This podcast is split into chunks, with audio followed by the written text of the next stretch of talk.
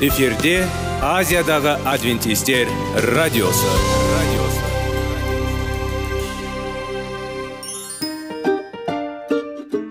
Сәлем достар. Денсаулық өмір бұлағы және біздің бірінші байлығымыз демекші денсаулық сағаты рубрикасына қош келдіңіздер. Біздің рубрикада біз әртүрлі факторларменен мәліметтерменен кеңестерменен бөлісіп шын жүректен сіздердің дендеріңіз сау болғанын қалаймыз. Сол үшін біздің рубрикаға қош келдіңіздер. Дайындалып тұрыңыздар. Өйткені келесі минуттарда қызықты фактілерге ие боласыздар. Енді достар ең бірінші байлығымызды қолымызға алып алға кеттік.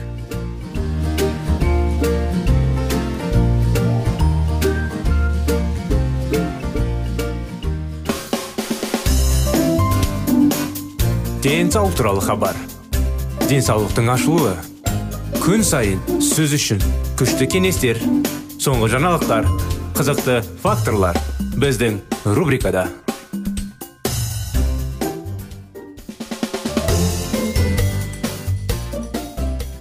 сәлем достар армысыздар құрметті біздің радио тыңдаушыларымыз сіздерменен бірге денсаулық сағат бағдарламасы келіңіздер құрметті достар денсаулық жайлы маңызды пайдалы кеңестерді алайық.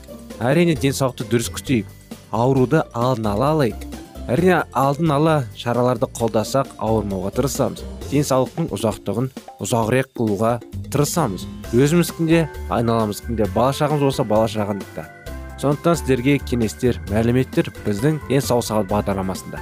Сіздерменен бірге ә, бүгінгі күндерде дұрыс болмаса пайдалы әдеттер десек те болады. Сол бүгінгі күнге пайдалы әдет тамақ алдында жарты сағат бұрын су ішу әдеті. Қазіргі уақытта адам ағзасына жаман әсер ететін қоршаған ортаның зиянды факторлары өте көп. Сондықтан өз денсаулығыңызға үнемі қамқорлық жасау өте маңызды. Бұл жерде дұрыс тамақтану рационын сақтау және суды пайдалану тәртібі үлкен рөл атқарады. Бірақ неге тамақ алдында су ішу керек? Неге бұл маңызды?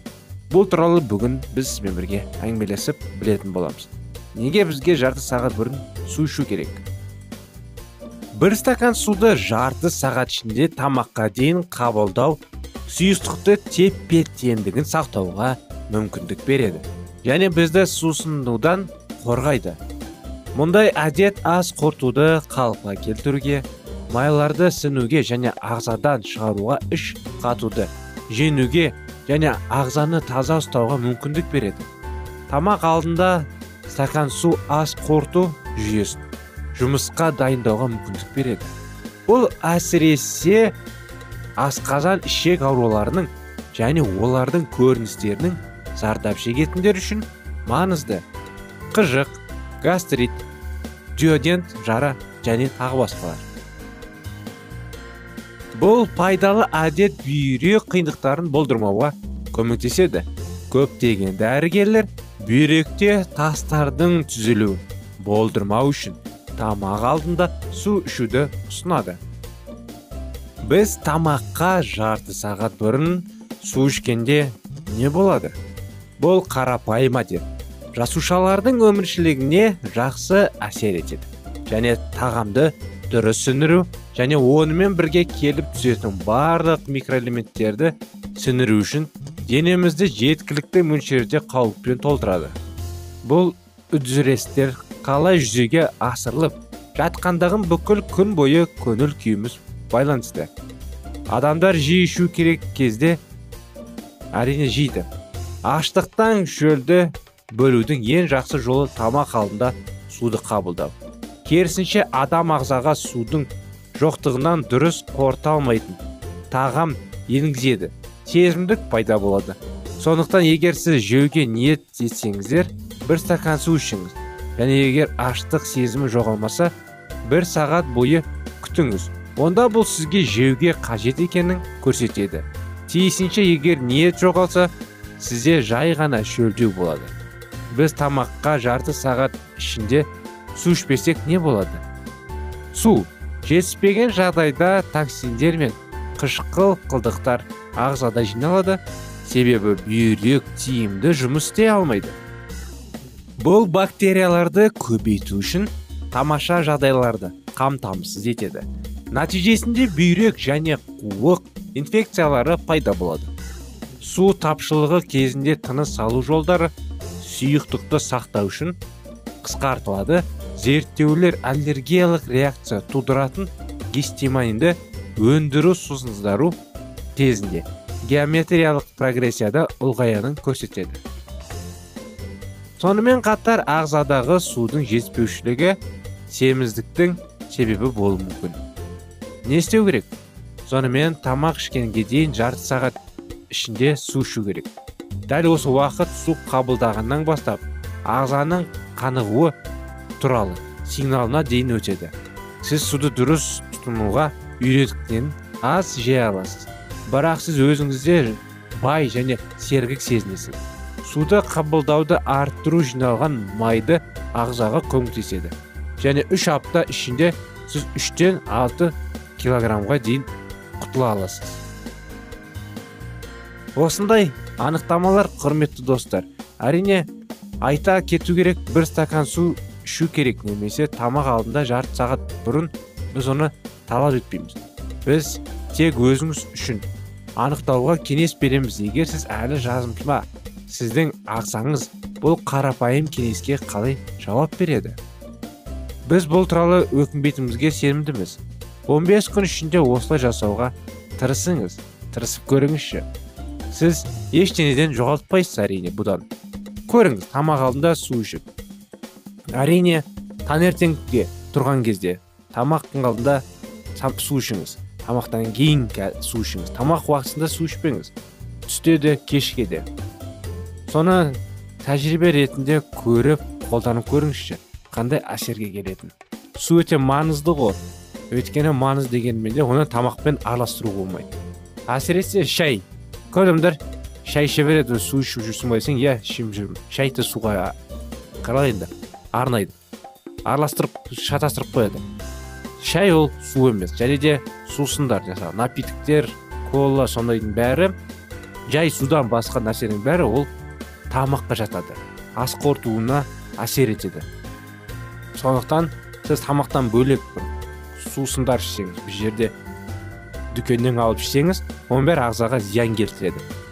Сондықтан ондай нәрселер ішетін болсаңыздар жарайды тамақ үстінде ішіңіздер. Неғұрлым ондай нәрселерге ішпеген дұрыс. Әсіресе газдалған сусындарды.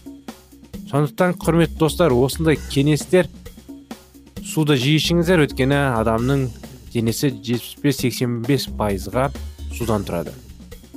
Сондықтан осымен бізге сеніңіз және оны өзіңізде тексеріңіз. Бағдарламамыз аяғына келді. Сіздерді қуана келесі бағдарламаға шақырамыз. Келесі жолға дейін сау саламат болыңыздар.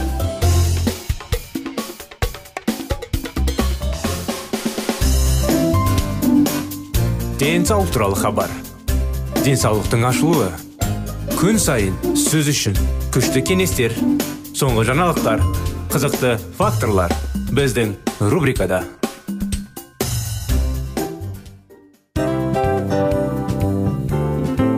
Әуелі байлық денсаулық екінші байлық он саулық үшінші байлық ақ жаулық. Ал енді осындай радио парақшадан кейін не дейміз? Барлықтарыңызға денсаулықтарыңыз зор болсын деп тілейміз. Денсаулықтың өзгеруі кішкентай нәрселерден басталады. Осымен біз берген кеңестер мен мәліметтер шын жүректен сіздер үшін қандай да бір болсын жәрдем берді деп үміттенеміз. Тыңдаушыларымызбен келесі радио парақшасына дейін қоштассамыз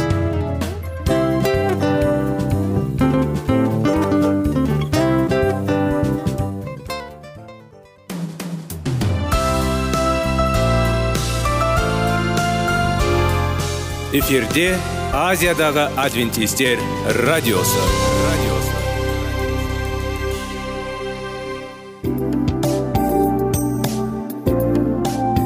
сәлем достар.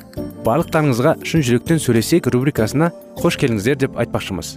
Шын жүректен сөйлесек бағдарламасы әртүрлі қызықты тақырыптарға арналған. Шындығында шын жүректен сөйлесек деген сөздің мағынасы екі достың екі адамның ортасындағы шын жүрекпен сөйлесуі бір біріне сенуі ашықтық пен шындықты білдіреді.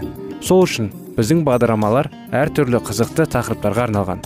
Дайындалыңыз жаңа қызықты мәліметтерге ие болуға. Ондай болса кеттік.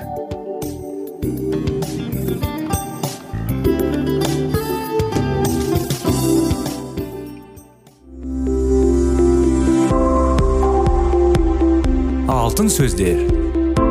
Сырласу қарым қатынас жайлы кеңестер мен қызықты тақырыптар. Шын жүректен сөйлесейік рубрикасында.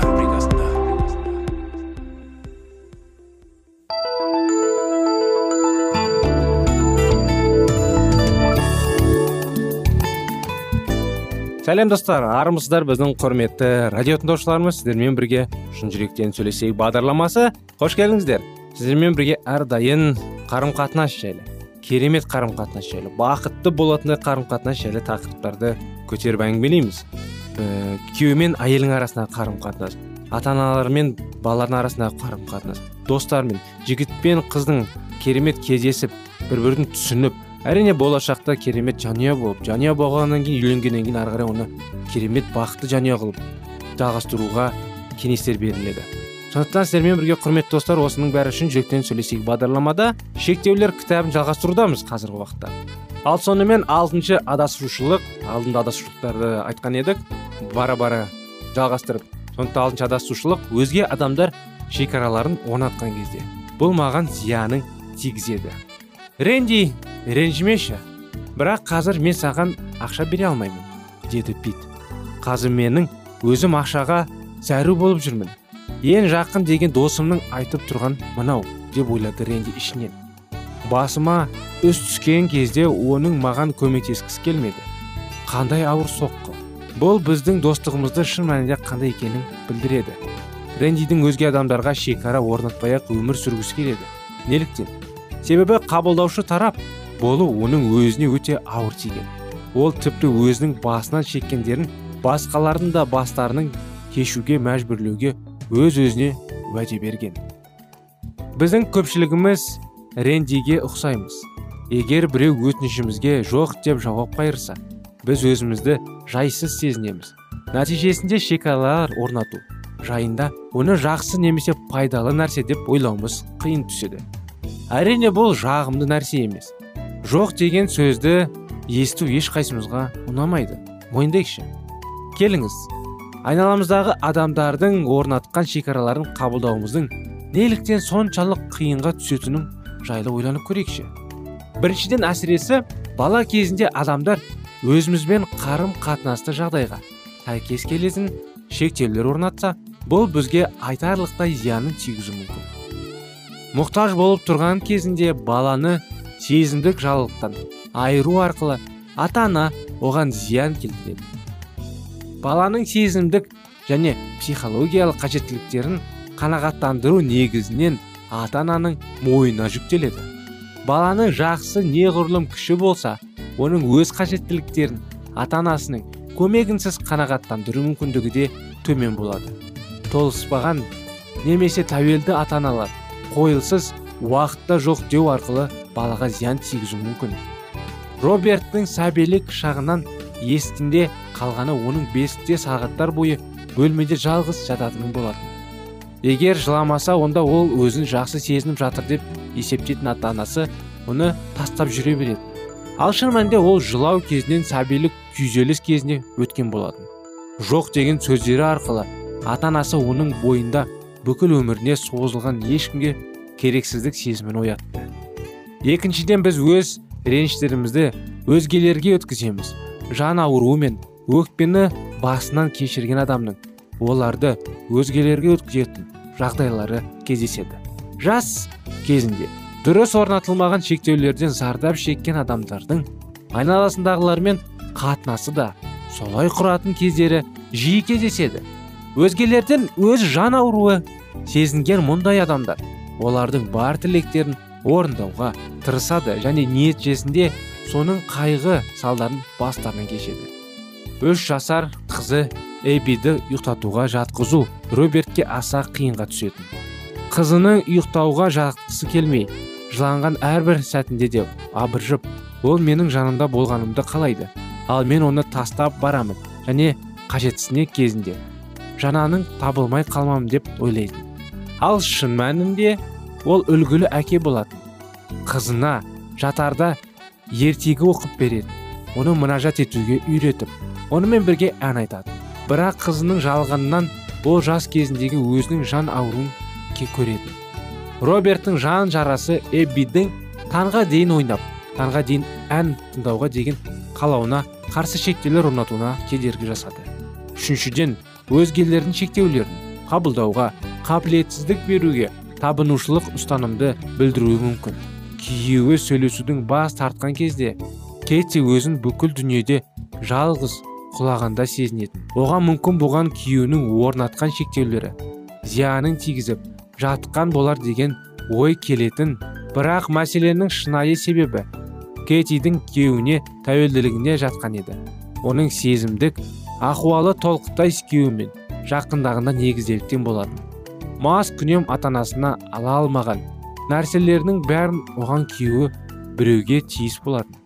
Күйеуінің көңіл хошы болмаған уақытта ол үшін нағыз кіріспен бірдей еді. Әрине адамдар бір бірлеріне мұқтаж болады. Бірақ құдайдың өзге орны толмас ешкім жоқ. Егер өзіміз үшін маңызды адаммен болған келіспеушілік бізді торуға мәжбүрлейтін болса онда ол адамды тек құдайға ғана тиесілі дұғарға қойған болуымыз мүмкін. Белгілі бір адамды әлемдегі бар жақсылықты бастауы ретінде қарастыруға ешқашанда болмайды. Бұл сіздің сезімдік және рухани еркіндігіңізге және сондай ақ дамуыңызға кесірін тигізеді.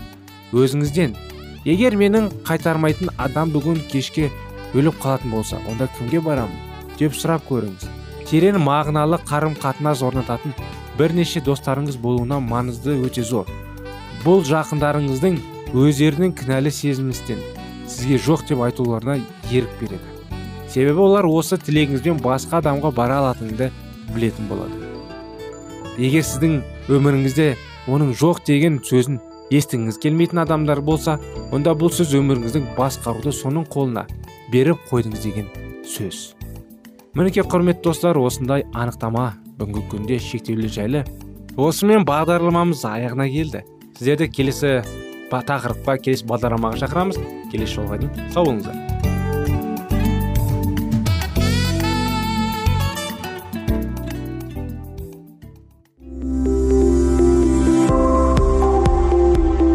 Алтын сөздер. Сырласу. Қарым қатынас жайлы кеңестер мен қызықты тақырыптар. Шын жүректен сөйлесейік рубрикасында.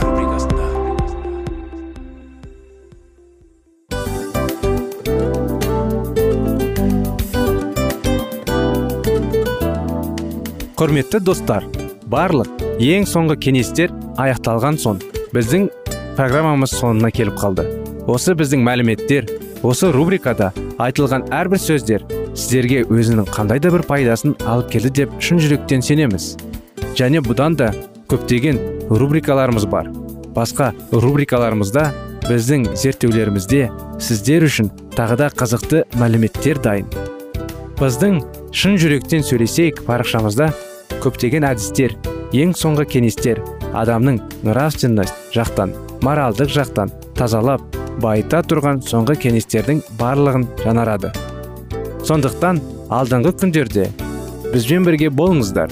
Өйткені барлық қызықтар алдыда. Бізбенен бірге болғандарыңызға үлкен рахмет. Келесі кездескенімізше сау сәлемет болыңыздар.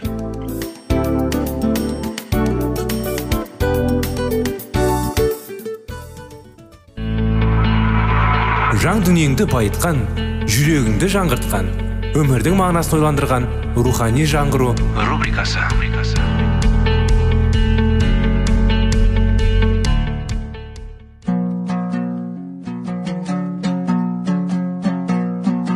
Ассалаумағалейкум біздің тыңдаушыларымыз. Келі кітаптың шындығын ашып берген қысқа бағдарламасына қош келдіңіздер. Барлығынан жоғары жаратушы біздің қарыңғылықта жалғыз қалдырып қойған емес. Өйткені ол келешекте не болу керек екенін киелі кітаптың парақтарында ашып береді. Немесе келіңіздер бізге қосылыңыздар. Жаратушы бізге нен ашып бергенін зерттейміз. Ассалаумағалейкум құрметті тыңдаушыларымыз біздің құрметті достарымыз. Рухани жаңғыру бағдарламасына қош келдіңіздер деп айтамыз сіздерге. Әрине біздің бүгін бағдарламаға жаңадан қосылып жатқан тыңдаушыларымыз болса біріншіден рет біздің бағдарламаны естіп жатса сіздерге де сәлем жолдаймыз. Біздің бағдарламадан ауысып кетпеңіздер. Мінекей біздің бағдарламамен таныс болыңыздар. Біз көптеген бағдарламаларымыз бар әрине. Сондықтан жалғасуда рухани жаңғыру бағдарламасында әрдайым енді рухани тақырыптарды зерттейміз талдаймыз кеңестер аламыз рухани кітаптар оқимыз және диалогтар болады. Сондықтан әрине рухани жаңғыру деген бағдарламамыз әсіресе адам мен құдайдың арымаш қалай енді қарым қатынастығы неліктен өйткені жаратушы біздің жаратушы иеміз. Біз әрине құлшылық етеміз. Ешқашан оны ұмытпауымыз керек. Сондықтан біз әрине күнәқар өмірде болған соң біз өзімізден өзіміз көп нәрсені істей алмаймыз енді. Сондықтан мәңгі өмірде біз мәңгі өмірге сыйлықты қабылдау үшін құдаймен жеке тыныс тығыз қатынаста болуымыз керек. Сондықтан қазіргі біз талдап оқып жүрген кітабымыз жаратушыға апарар жол деген кітап. Сонымен өткен тақырыпта біз жаңағы қалай енді құдайды рух арқылы бізге көмек бере алатын жайлы өткен едік. Сонымен жалғасында жалғастырсақ былай дейді кітап. Сонда біз жақсылық жағындамыз ба? Әлде жаманшылық жағындамыз ба? Біздің жүрегіміз кімнің еркінде? Біздің ойларымызда кім басқарады? Кім туралы айтқанды жақсы көреміз. Ең нәзік сезімдерімізді және күш жігерімізді кімге арнаймыз? Біз оны жайларды қалай анықтай аламыз? Егер біз иса мәсіхтің меншігіне жатқан болсақ онда бізге ол туралы ойлау жағында болар еді. Өзіміздің тағдырымызды сеніп тапсырып бір бар әрекетімізді оған бағындыра едік. Біз оның бейнесіне ұқсауға оның рухын жүрегімізге етене жақын қабылдау жан дүние тазалығына мінез құлқын кемілдігіне ақыл ойдың толықтығына жетіп оның рухының тілегін орындап барлық жағында да оның көңіліне шығуға тырысуымыз керек. Иса мәсіхтің әсірімен жан дүниесі жанарған әрбір адам өздерінің өмірлеріне келі рухтың жемісін әкеледі. Келелі рух өмірлерінде жетістіктердің игілікті жеміс мынандай сүйіспеншілік қуаныш тыныштық шыдамдылық қайырымдылық кеңпейілдік сенімділік ілтипаттылық ұстамдылық. Ғалаттарға арналған хаттың бесінші тарауының жиырма екінші аят пен жиырма үшінші аяттары. Мұндай адамдар өздерінің бұрынғы құмарлықтарын тастап құдайдың ұлына деген сенімді бойұсынып оның мінез құлқына ісіне болмысына ұқсауға тырысып сондай иса сияқты пәк таза болу тырысады. Оларға өздерінің бұдан бұрын жек көргендері ұнап бұрын жақсы көргендерін жек көретін болады. Өздеріне ғана сенетін өркеніректер жүректерімен мойын ұсынуға моймын абыржылар мен тәпәқарлар бассайлады да қарапайым болып мінез құлық көрмектігіне бет бұрады. Ішімдік ішуге құмар адамдар арақты тастап салауатты өмір салатын ұстанатын болып азғын бұзық адамдар жаны таза адамдар қатарына қосылған болады. Азғындар адалдыққа ұмтылады. Бұл дүниедегі кен тараған әдет ғұрыптар талғамдар шеттелінеді бұдан былай уақытта мәсіхшілерді сендіретін көрінетін сыртқы әшекейлерге шашты ерекшелері жинау алдын. Әшекей бұйымдар тағы көз таратынға әдемі киімдер киюге тәуелді болмасын. Қайта көріктерінің көңілдіктеріне көзге көрінбес ізгі қасиеттеріне тұрсын. Мейірімді де сабырлы жан. Дүниелердің мәңгі солмайтын көрі құдай алдында аса бағалы. Күнәларды үшін опық жеп істеген күнәларлық қылықтарының кейін шығатын тәубеге келгеннен кейін адам түзеліп өмірде онды қадам жасамаса онда оның тәубесі шынайында да адал деп айтуға болмайды. Егер күнәкар кепілдікке алған немесе ұрлаған заттарды қайтарса күнәларын мойындап тәубеге келсе құдайды және өзінің жақын адамдарына жақсы көре бастаса онда оның өліміне өмірге өткендеріне сүйенуіне болады. Өзіміздің адасқанымызға мен күнәларымызды түсінген соң исаға келіп оның кешіруші рақыммен тілескенде жүрегіміз мейірімділікке сүйіспеншілікке толады. Ешқандай жүк ауыр болып көрінбей өйткені исаның беретін жүгі жеңіл міндеттерінің барлығы қуанышқа айналып жан бұрымдық қызым рахатқа ұсылады бұрын бұлныстар да көмексізде болып көрінгелі жолыңыз. Ендігі жерде тақуалық күннің жарық нұрлы тәулесінде бөлінетін болды. Исаның мінезін көркемдегі оның ізбасарларын бойына көрініс табады. Ол құдайды сүйіспеншілігін серіктікпен сезініп оның ұлы даңқы мадақтауға даяр тұратын. Құтқарушымыздың бойындағы ерекше мейірбандығы мен сүйіспеншілігі оның бар іс амалдығына ерекше тарамдылық беріп тұрады. Ал шексіз сүйіспеншілік құдайды тарайды. Мұндай сезімдер исаға ол арқылы құдай әкеге сенетін адамдардың жүректеріне ғана болады. Иса құдай еркін қуана орындады. Біз оны сүйеміз себебі ол бізді алдымен сүйді. Бірінші шоқан төртінші аят он тоғызыншы сүре. Құдайдың рахымымен жанарған жүректегі сүйіспеншілік қозғаушы күш болып табылады. Бұл күш адамның мінез құлқы өзгертіп талап ниеттерін басқарады.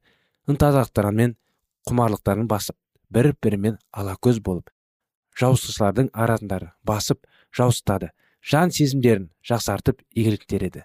Адамның жүрегіндегі қозғаушы күш оларды шексіз бақытқа бөліп өзінің айналасындағы ізгілікті ықпалын тигізеді.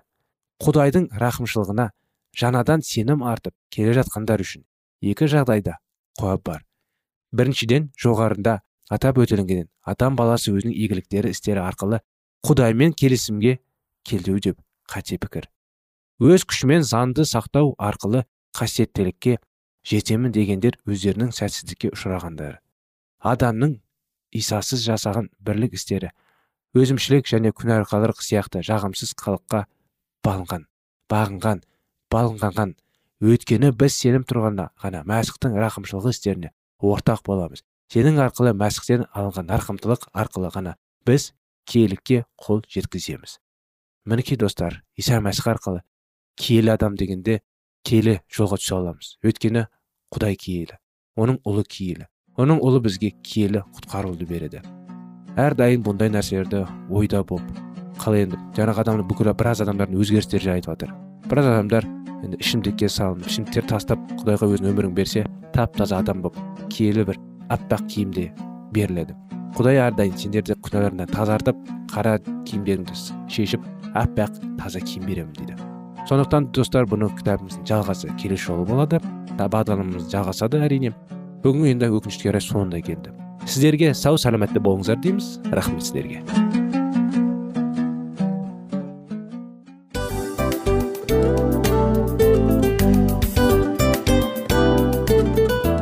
Мынау осы уақыт тез өтіп кетеді екен. Біздің бүгінгі рубрикалардың аяғына да келіп жеттік. Ақпаратымызды парақшамызды қазір ғана бастаған сияқты едік. Соңында да келіп қалдық. Уақыт деген тегі білінбей өтіп кетеді екен. Бүгінгі 24 сағаттың алтындай жарты сағатын бізге бөліп арнаған үшін рахмет. Егерде өткен сфераларда пайдалы кеңес алған болсаңыз біз өзіміздің мақсатқа жеткеніміз. Кеңестерді қолданам десеңіз өзгерістерді кішкентай қадамдардан бастап іске асыра беріңіздер де жасағандарыңыз үлкен үлкен жетістіктерге жете берсін. Шын жүректен әрбір берілген кеңестер сөздер сіздерге пайдасын әкеледі деп сенеміз. Сіздермен бірге кездесулерімізді сөзсіз түрде асыға күтеміз. Сәтті күн тілеп сіздер менің ұзаққа қоштаспай келесі кездескенімше тек қана сау саламатты болыңыздар дейміз. Достар біздің бағдарлама бойынша сұрақтарыңыз болса әрине сіздерге керекті анықтама керек болса біздің whatsapp нөмірімізге хабарлассаңыздар болады. Плюс бір үш жүз бір жеті жүз алпыс алпыс жетпіс иә достар сіздер қателеспедіңіздер бұл біздің номерлерге ұқсас болмаса да бұл whatsapp номер арнайы. Хабарласыңыздар сұрақтарыңызды қойып тұрыңыздар. Анықтаманы алып тұрыңыздар. Плюс бір үш жүз бір жеті жүз алпыс алпыс жетпіс номері.